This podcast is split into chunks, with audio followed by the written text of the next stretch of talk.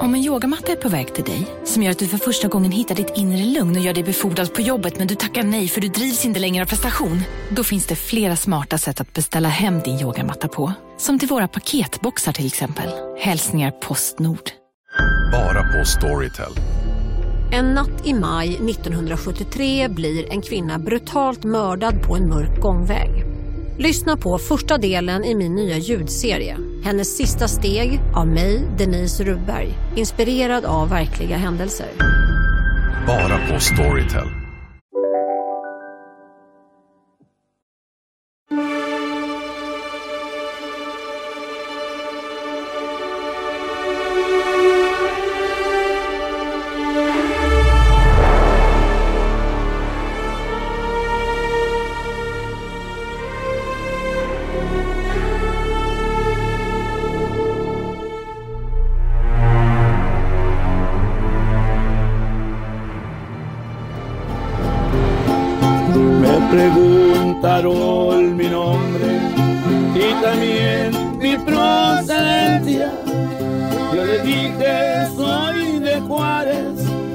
Ahí no piden licencia. In the Chihuahuan Desert, northern Mexico, the digging never stops. These gravestones are the mark of a lost war. Ciudad Juarez lies on the front line of Mexico's war on drugs, and its people have paid the price. This cemetery has doubled in size in the last decade to accommodate some of the thousands killing this city alone. These families were able to bury their loved ones. Many more simply disappeared.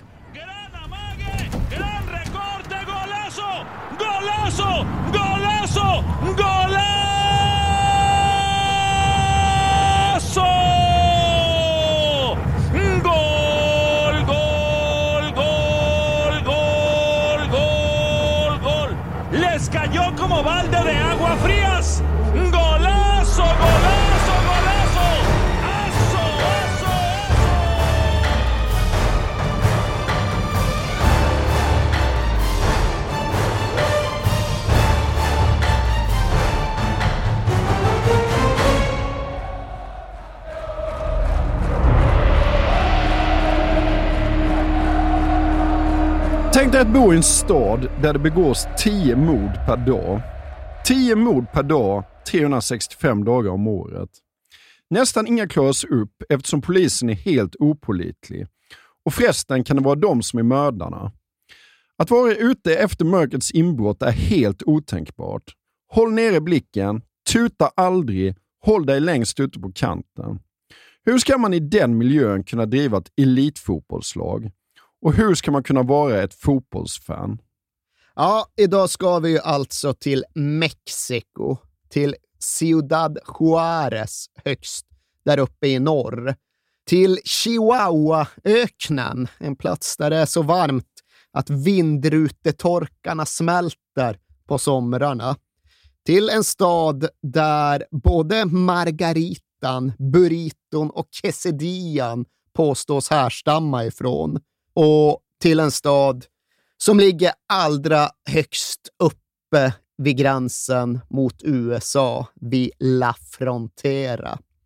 Och som många vet har ju Juárez en amerikansk tvillingstad på andra sidan Rio Grande. Eller alltså egentligen så var ju Juárez och El Paso från början en och samma stad.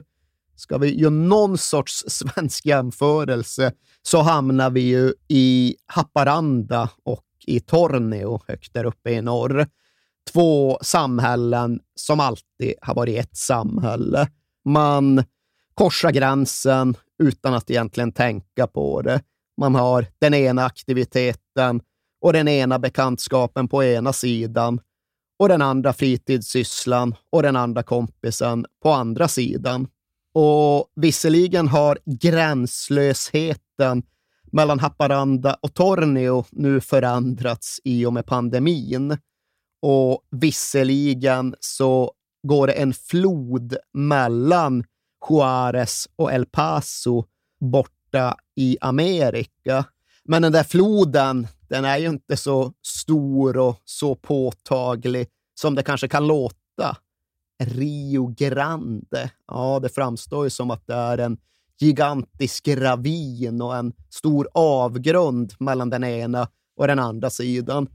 Men Rio Grande, den floden är ju mer eller mindre uttorkad idag. Största delen av året så finns där mest bara en liten sorglig bäck. Och under väldigt lång tid så var skillnaden mellan Juarez och El Paso ja, men väldigt liten. Alla pratade spanska på båda sidor om floden, på båda sidor om gränsen. Och Juarez utgjorde en så kallad visumfri zon. Du kunde åka över från USA utan att ens visa pass och du kunde köpa speciella pendlartillstånd som innebar att du kunde åka fram och tillbaka väldigt smidigt. Lite svårare och lite snårigare från den mexikanska sidan, absolut, men på inget sätt ogörligt. Du kunde bo i Juarez, åka över till ditt amerikanska jobb på morgonen och sedan åka tillbaka hem till Juarez igen på eftermiddagen. Men med tiden, med åren, med moderniteten så uppstod sedan en skillnad som förändrade allt, som innebar att det plötsligt var två totalt skilda världar på den ena flodbanken jämfört med den andra. Och den skillnaden innebar då att det begicks ja, men sisådär 0,004 gånger så många mord i El Paso på den amerikanska sidan som det gjorde i Juarez på den mexikanska.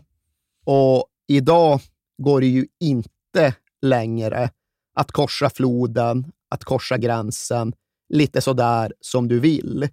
Idag går det inte längre att jämföra livsvillkoren mellan den ena och den andra staden. Och det där åskådliggör någonting som har funnits med mig väldigt starkt sedan jag en gång var i Haiti, det västra halvklotets allra fattigaste och eländigaste land. För samtidigt som jag var i Haiti och försökte få ihop en tillvaro som mest bara tycktes bestå av farsoter och fattigdom begravd i lager på lager av sammanstörtat samhälle. Lager på lager av hus som fallit ihop i någon av jordbävningarna och sen aldrig blivit bortforslade. Så låg ju gott om turister på andra sidan av den konstgjorda gränsen och mådde hur förträffligt som helst. Och skillnaden mellan livet på den ena sidan av den där konstgjorda gränsen och den andra sidan gick inte ihop för mig. Och på ungefär samma sätt upplever jag faktiskt skillnaderna mellan Juarez och El Paso, mellan Mexiko och USA. Det finns ju ingen grundläggande skillnad i livsförutsättningarna där. Det är inte så att det finns jättemycket mer råvaror på den ena sidan jämfört med den andra. Det är inte så att den ena orten är så mycket mer strategiskt belägen än den andra. Och än mindre finns det ju någon skillnad på människorna på den ena sidan av gränsen jämfört med den andra. Det är politiken på båda sidor om gränsen som har behandlat städerna olika. Det är politiken som i förlängningen har inneburit att du löper vad är det, 250 000 gånger så hög risk att dö i en stad jämfört med ett tvillingsamhälle. Och den avgörande skillnaden mellan Juarez och El Paso, mellan Mexiko och USA, är ju då givetvis de olika nationella positionerna i narkotikakedjan. Mexiko distribuerar drogerna, USA konsumerar drogerna. Och Juarez har blivit vindbryggan mellan de två beteendena. Och då är det väl faktiskt dags att eh, presentera Francisco Ibarra, va? Ja, vi kan presentera hela Ibarra-klanen, för de hade varit skickliga på att se möjligheter i förändring under flera generationer. Det var ju egentligen pappa Ibarra, vars namn just nu undflyr mig, som först byggde upp en typ av familjeimperium. Och karn gjorde det från botten. Han flyttade till Juarez långt före NAFTA-avtalet, men han lockades av förändringstakten och möjligheterna. Och han började minsann sälja bröd vid vägkanten. Och sen gick han från det till att ha ett litet tacostånd.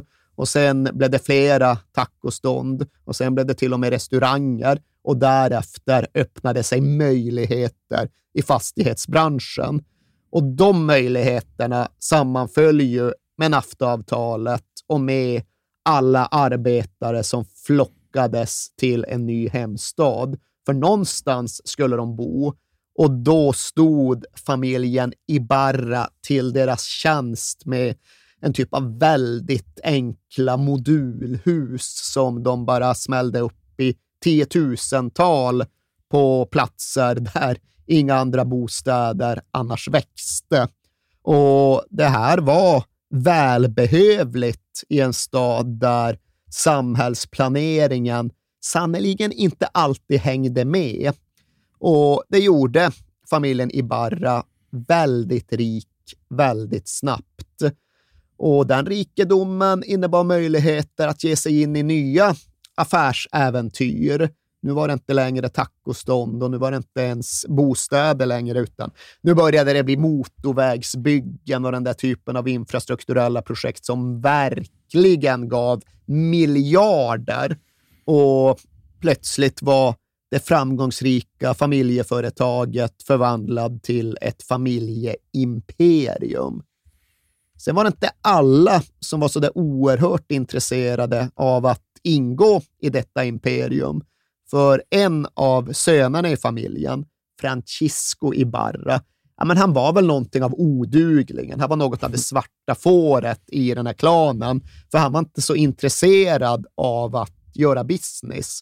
Han älskade sport istället. Han var ju konstnärssjälen ju. Ja, en liksom bohemaktig typ som mest, jag vet inte hur konstnärlig han var, men sport gillar jag i alla fall. Ja, men han, om man inte gillar pengar så gillar man ju... Då, då är man, då är man en konstnär. konstnär. Okej, tack för definitionen. Jag tar den med mig. Ja.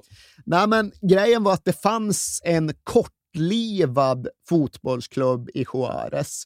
Det här är ingen fotbollsstad, det här är ingen idrottsstad traditionellt.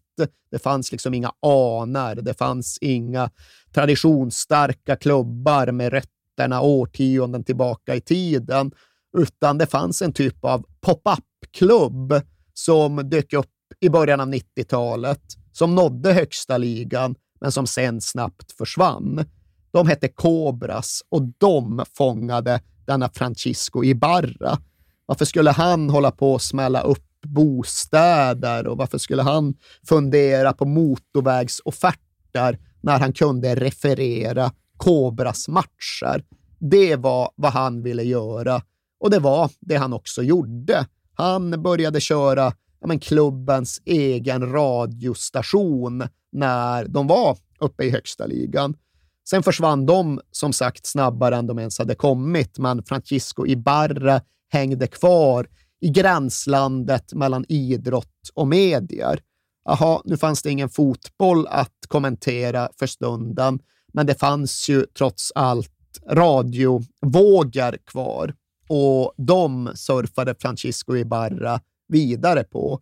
Han startade en radiostation och han köpte upp någon annan och det ena ledde till det andra. Och sen hade han en tv-kanal och sen hade han byggt upp sitt eget lilla medieimperium vid sidan av det stora familjekonglomeratet. Så han var ju också businessman, absolut. Men han var inte riktigt på samma premisser och på sam av samma anledningar som den övriga familjen. Hans stora livsprojekt skulle inte kretsa kring att dra in några miljarder, utan det skulle kretsa kring att återföra fotbollen till Juarez. Han hade varit där när Cobras gästspelade. Han hade sett vilken entusiasm det kunde generera och nu tänkte han multiplicera den effekten. Vi är framme någonstans runt 2005 och då köper Francisco Ibarra rätt och slätt en fotbollsklubb. Eller han köper Pachucas farmalag. Han köper liksom en licens till ett gäng nere i de lägre divisionerna och han flyttar sen detta gäng på nordamerikanskt maner till Juarez och han låter meddela att nu, nu minsann ska högsta divisionsfotbollen tillbaka till stan. Och den här visionen var ju egentligen bara möjlig med tanke på att Juarez var den stad den var och att den låg där den låg. För, ja men, det vet ni, Nordamerika, de har sin franchise-tradition och det är inte så dramatiskt att bara flytta en klubb från en stad till en annan. Och därtill så var ju då Juarez ja, men den här nybyggarstaden där gamla allianser kanske inte nödvändigtvis gällde längre, där folk letade efter nya band och nya anknytningar i en ny hemstad, i ett nytt liv. Och därför var ju tanken att ja visst, alla som bor här, de har väl egentligen en första klubb någon annanstans.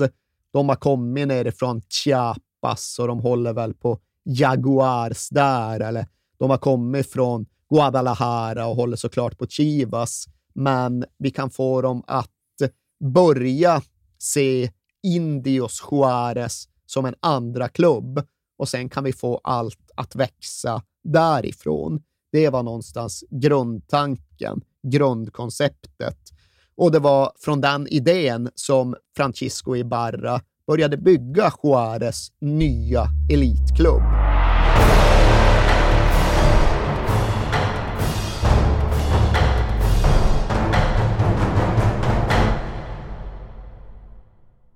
Vi fortsätter med vårt stora 90-årsfirande, Alex. Ja, precis. Själva födelsedagen för Stryktipset är ju i oktober, men det här är liksom det är förfesten. Ja, för vi är ju sponsrade av Stryktipset. Ett spel från Svenska Spel, Sport och Casino för dig över 18 år.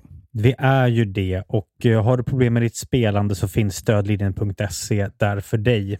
Och jag eh, funderar lite så här, undrar hur många som har haft 13 rätt genom de här 90 åren som har eh, förtjänat den här respekttröjan. Liksom. Vi firar ju på vårt speciella sätt med våra kära lyssnare som ja, älskar Stryktipset och har skickat in historier till oss om eh, hur Stryktipset har påverkat dem i 90 minuten. Och fortsätt gärna skicka in de fina historierna till kings at perfectdaymedia.se. Har vi någon historia idag?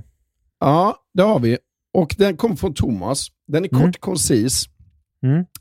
Den går så här. Jag vill tro att detta är 2010.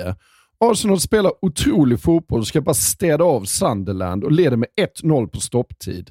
Mm. Jag har 12 rätt med häng på 13. Jag minns som sagt inte vilket år det är, men målskytten glömmer jag aldrig. Darren fucking Bent. Han bombar in 1-1 och 12 blir 11 som sen blir 10 rätt. Styrtipset är verkligen otroligt och otroligt grymt ibland. Tack för en fin podd. Om jag inte har helt fel så har Darren Bent även en historia i Tottenham va? Det har han, verkligen. Ja. Men det går så... vi inte in på nu. Nej, men det var ju ändå fint att Darren Bent sänker Arsenal för Sunderland. Ja, det får man ändå säga. Men vi säger stort tack till Thomas och vi säger stort tack till våra vänner på Stryktipset.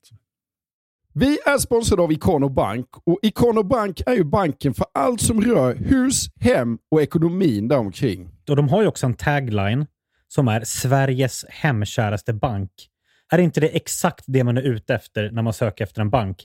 En bank med tydliga, bra bolån, privatlån, sparande med schyssta villkor, konkurrenskraftiga räntor, Håkan. Det är väl det enda man bryr sig om i dessa dagar. Ja, och så vidare. Så är det faktiskt. Ja. Ja. Och de har ju faktiskt rätt att kalla sig Sveriges hemkäraste bank, därför att Ikano Bank startades av grundaren till Ikea. Precis. Om inte det är hemkärt så kan man verkligen fråga sig vad hemkärt det är. Ikano Bank har precis släppt en större rapport som heter Tre dimensioner av rikare boende. Mhm. Där man undersökt och presenterat statistik kring vad svenskarna värdesätter med sitt boende. Och deras första undersökning visar ju någonting ganska häpnadsväckande. Eller hur? Det gör ju det. Kan du, kan du berätta? Ja, den visar ju att trots det höga ränteläget så har mindre än hälften av svenskarna vidtagit någon form av åtgärder det senaste året för att förbättra sin boendeekonomi. Ja, det låter ju inte så bra kanske. Nej, det gör det ju verkligen inte. För att undersökningen genomfördes i augusti och det är bara 45% som har gjort det. Och av dessa har endast 16% av bostadsägarna förhandlat om lägre ränta. Mhm. Mm. Många verkar ju ha en uppfattning om att det är jobbigt och krångligt att byta bank, vilket det inte är. Fler borde kolla upp om du kan spara pengar genom att byta bank. Därför uppmanar vi er att ta kontakt med Ikano Bank eller gå in på ikanobank.se för att se om du faktiskt kan få en bättre ränta. Vilket är en no-brainer med tanke på hur ränteläget ser ut, eller hur? Verkligen, så är det ju. Vi säger stort tack till Ikano Bank.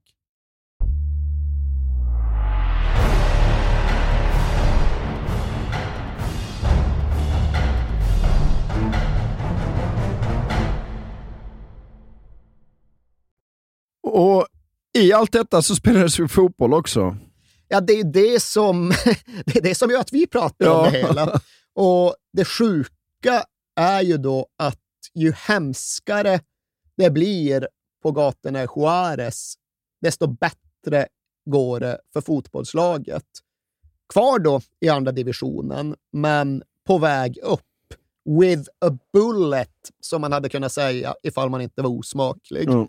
Men ganska exakt samtidigt som Chapo Guzman rullar in och smörjer kråset ostörd på en av Juarez restauranger så är det dags för Indios att spela sitt avgörande playoff, sin kvalfinal för en plats i högsta ligan. Och de skulle möta en klubb som heter León i ett dubbelmöte.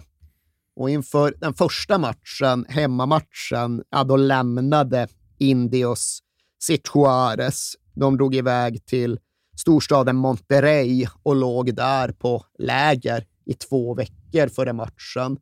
Och utåt sett, medialt sett, så hette det såklart att ja, men de ville få bästa möjliga sportsliga förutsättningar. Och ja, de ville få bästa, sportsliga, bästa möjliga sportsliga förutsättningar, men kruxet i kontexten var givetvis att ja, det var rätt svårt att fokusera på sport hemma i Juarez just den här tiden.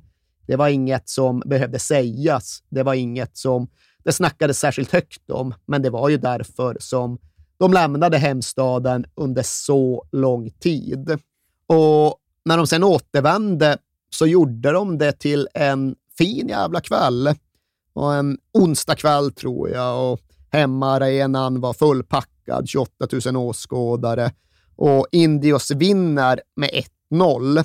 Leon får ett regelrätt mål bortvinkat för offside, men ah ja, sånt kunde hända. Det blev en 1-0-seger och ett bra resultat att ta med sig till returen på bortaplan. Men den matchen ska då spelas den sista helgen i maj, den sista söndagen i maj 2008. Och under de få dagar som hinner passera mellan de två matcherna så intensifieras läget i Juarez ännu mycket mer. Som att någon form av slutstrid närmar sig. Det börjar framstå som att Sinaloa-kartellen är på väg att dela ut det dödliga slaget gentemot sina rivaler. För de låter publicera och cirkulera ja, men en typ av skrivelse. Också jävla märkligt att de liksom mer eller mindre kommunicera via så här banbullor uppsatta på kyrkväggar och genom flygblad och i någon mån också genom liksom, skrivelser på internet. Men de måste meddela att ah, den här helgen som nu kommer, då ska ingen gå ut i Juarez. Alla ska stanna inomhus, för ja, de som visar sig kommer dö. Det här kan bli den blodigaste och dödligaste helgen i stadens historia. Stanna hemma.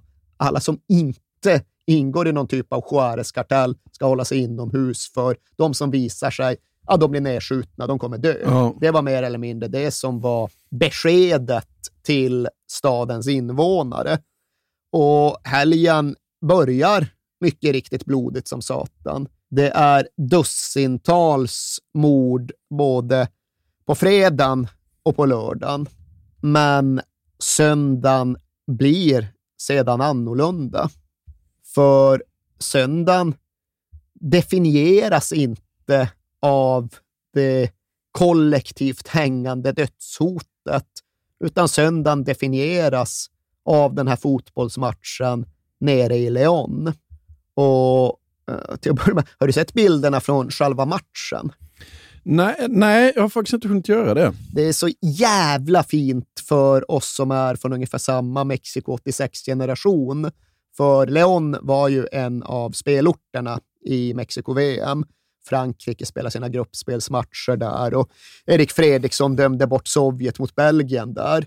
Och ifall man tittar på bilderna så är det exakt samma känsla i klippet från playoff-finalen 2008 som det var i utsändningarna från VM 86. Det är samma ljus, det är samma gräs. Jaha. Det är, ja, men, det är verkligen som att flyttas tillbaka till VM sommaren 86. Och Ja. Bara det är ju värt mycket. Ja. Sen blev det en sevärd match också. Hemmalaget León tar ledningen med 1-0 genom någon typ av mirakelskott utifrån kanten. Som där Ronaldinho, man tror att det är ett inlägg, men det är ett jävla skott som dyker ner i bortre gaveln. Ja. Strax därefter har de en boll i ribbans underkant, men ah, sen slår ju Indios från Juarez tillbaka. De kvitterar, de tar ledningen, de klarar 2-2, de säkrar sin uppflyttning. Och sen händer ju ja, men det verkligt remarkabla. Det som är så oväntat att det nästan slår över i någon typ av mirakel. För ja, idrottsliga mirakel är en sak, men här följer ja, men ett samhälleligt mirakel. Du nämnde inledningsvis att efter mörkrets inbrott så går du inte ut i Juarez någon gång egentligen. Nej. Du går definitivt inte ut när den dödligaste helgen i stadens historia är aviserad. Men det går inte att stoppa en miljonstad som går ut på gatorna gemensamt. Det går faktiskt inte att mörda en miljon människor över en natt. Och den här kvällen, den här natten, är det som att en miljon människor trotsar fruktan tillsammans. För Juarez går ut. Juarez tar tillbaka sin stad från kartellvåldet. Och det är verkligen hela staden och det är hela natten. Slutsignalen går väl ja, men någon gång strax före skymningen, men partyt som påbörjas då, ja, det pågår ja, men till gryningen. Det tar sju timmar innan spelarna återvänder, men när de landar på den lilla flygplatsen, då är den översvämmad av jublande människor. Borgmästaren ute på landningsbanan och tar emot. Och sen är det den där typen av firande som vi ofta refererar till. Det är så trångt överallt så bussen kan ju minsann inte komma fram till sin slutdestination, till San Lorenzo-katedralen, för att det är för stora jubelmassor som gör att bussen måste bara krypa fram natten igenom. Men det här blir timmarna då fotbollen hjälper Juarez att visa vilken stad det kan vara, vilken stad de vill vara. Och det var någon av alla de här offentliga herrarna som plötsligt dök upp som pratade om klubben, om laget, om sporten som ett samhällsvitamin.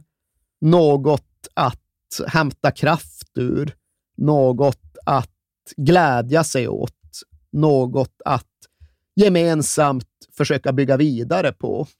För Juarez, eh, det är inte en stad av många hjältar, men nu fanns de plötsligt där, mitt framför ögonen på befolkningen. Och störst av alla, mest älskad av alla, det var den lokala skyttekungen Maleno Frias. Vuelve la pelota Frías. Gran amague. Gran recorte. Golazo. Golazo. Golazo. Golazo.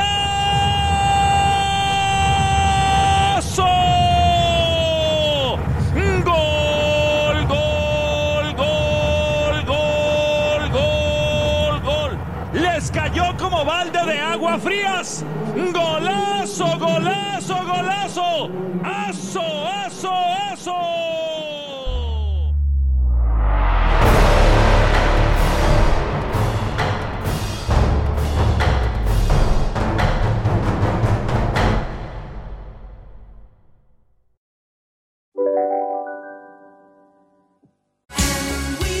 Just nu till alla hemmafixare som gillar Julas låga priser. En Royobi grästrimmer inklusive batteri och laddare för nedklippta 1 499 kronor. Inget kan stoppa dig nu. Nej. Dåliga vibrationer är att gå utan byxor till jobbet. Bra vibrationer är när du inser att mobilen är i bröstfickan. Få bra vibrationer med Vimla. Mobiloperatören med Sveriges nöjdaste kunder enligt SKI. Det där var för att uppmärksamma er på att McDonalds nu ger fina deals i sin app till alla som slänger sin takeaway förpackning på rätt ställe. Även om skräpet kommer från andra snabbmatsrestauranger som exempelvis Ma... Eller till exempel Burger...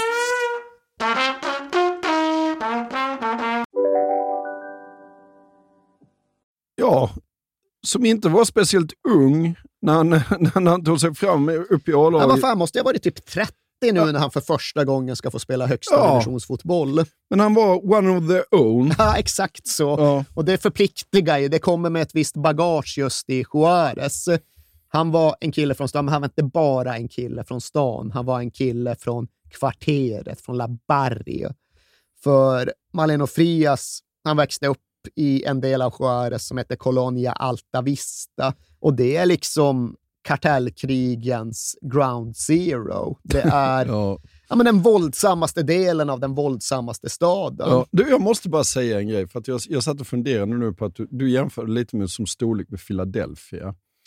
Tänk att Philadelphia vaknar en morgon och det sitter massa lappar runt om i stan att ni får inte gå ut för att nu ska vi göra en uppgörelse här där vi dödar alla människor. Ja, men det sjuka är ju att Philadelphia absolut det är en jämförelse som ofta görs i den lokala kontexten när de bekymrar sig i El Paso för vad som pågår på andra sidan gränsen. Men det funkar för oss att göra jämförelser med Stockholm. Ja. Det är inte så Ja, det det. stor skillnad Nej. på städerna. Om något är Stockholm lite större, men skillnaden är inte så där jättestor. Och absolut, vi har all rätt att tycka att det är fasansfullt hur det har blivit i vissa utsatta områden, i vissa förorter. Skjutningarna där måste ju bara få ett slut. Men ja, det är svårt att dra den jämförelsen hela vägen. För ja, det är inte tio pers om dagen som dör här precis varenda dag. Det sitter inte lappar uppklistrade som förbjuder oss att gå ut och det är inte helt och fullständigt poänglöst att eh, tillkalla polis ifall ett brott har begåtts. Så jämförelsen går såklart inte att göra. Och just därför är det ju så tankeväckande att ändå Ja, göra det är den. det. Ja. Liksom det. Ja, nej men vart, vart tar man vägen med det? Nej, men det blir bara sinnessjukt. Ja. Ja. Och det är klart att du har nu för tiden klart sämre odds ifall du föds i Rinkeby eller Husby än om du föds på Kungsholmen. Det är ju ett sorgligt faktum. Men det är ju inte Colonia Alta Vista, Nej. för ja, där har du inga odds. Nej. Det är liksom Jag vet inte vad medellivslängden för män är i Colonia Alta Vista, men jag gissar att den kanske är strax över 30 Ja, eller något i den ja. stilen. Du räknar inte med att se pensionsåldern ifall du föds och växer upp där, för tar inte fattigdomen och sjukdomarna dig så kommer våldet och kulorna att göra det. Det är inte så att gatulivet lockar i Colonia Alta Vista. Gatulivet är det enda som finns, det enda som existerar. Och så var det för fotbollsgrabben Maleno Frias också. Han kickade boll med glädje, entusiasm och talang, men det skulle ju aldrig leda någonstans. Utan det som var hans liv, det var gänglivet, det var kartelllivet och det var inget val som gjorde att han hamnade där. Det var någonting han bara föddes in i. En stig som bara pågick och fortsatte. Och frågan var bara när den skulle ta slut. Maleno Frias, men som alla andra så körde han droggamet och gängracet i tonåren. Och hans tonår var ju visserligen före drogkriget, innan allt bara klappade ihop och kollapsade fullständigt. Så på gott och ont för honom fanns det fortfarande någon typ av samhällskropp i Juarez. fanns till och med någon typ av ambition till brottsbekämpning och rättsskipning. Så han hamnade i fängelse några varv. Inte för, han hade inte dödat någon, men lite droggrejer sådär. Fängelse, in något halvår, ut något halvår, tillbaka. Ja, vart fan ska det där ta vägen? Försökte spela lite fotboll, fanns ingenting i Juarez då, så han tog ändå och flyttade från Colonia Alta Vista, gjorde något försök med någon tredje, fjärde divisionsklubb, men nej, gatorna sög honom alltid tillbaka tills han själv verkligen såg till att komma därifrån. Det gick inte att byta väg så länge han var kvar hemma. Han behövde flytta, han behövde lämna landet, han behövde komma över floden. Och det var inte svårt 1990 eller 1993 eller när nu detta var. Han drog över till USA, till El Paso. Inga problem, inga frågor ställda börjar jobba på byggen där, hanka sig fram, spela lite fotboll i liksom något amatörlag i någon park. Där, om inte annat, märktes väl ändå skillnaden på den stad och det land han hade hamnat i gentemot den stad och det land han hade lämnat. Här räknades talang, här upptäcktes talang och här kunde talang leda någonstans. Så när Manelo Frias vräkte in mål i sitt parklag, ja, då var det nog lite större gäng som upptäckte det och som bjöd in honom. Och när han vräkte in mål där också, ja, då upprepades samma procedur. Och till sist hade Manelo Frias eh, uträttat så mycket och uppnått så mycket att han inte längre var gatugrabben från Colonia Alta Vista. Nu var han fotbollsspelaren i El Paso och utifrån den identiteten och statusen så blev han varvad till Indios Juarez. De hade inte haft förmågan att upptäcka och förädla talangen i de egna hemkvarteren. Men när amerikanerna hade gjort det åt dem, ja då kunde de knyta till sig Manelo Frias. De kunde erbjuda honom ett kontrakt och de kunde erbjuda honom möjligheten att bli högsta divisionsspelare i Mexiko vid 30 års ålder Ja. eller något i den Ja. stilen. Och allt det här innebar såklart att ja, Maleno Frias fick en särställning hemma i Juarez. För han hade gjort det omöjliga möjligt. Han hade lyckats med tricket som ingen trodde kunde gå. Han hade tagit sig ut från Colonia Vista. Han hade på omvägar blivit kvar i Juarez och han hade faktiskt lyckats göra något bra av tillvaron. Han hade blivit en förebild, ett föredöme. Gå med mig Bakom skuggor ser du solen du tvivlar.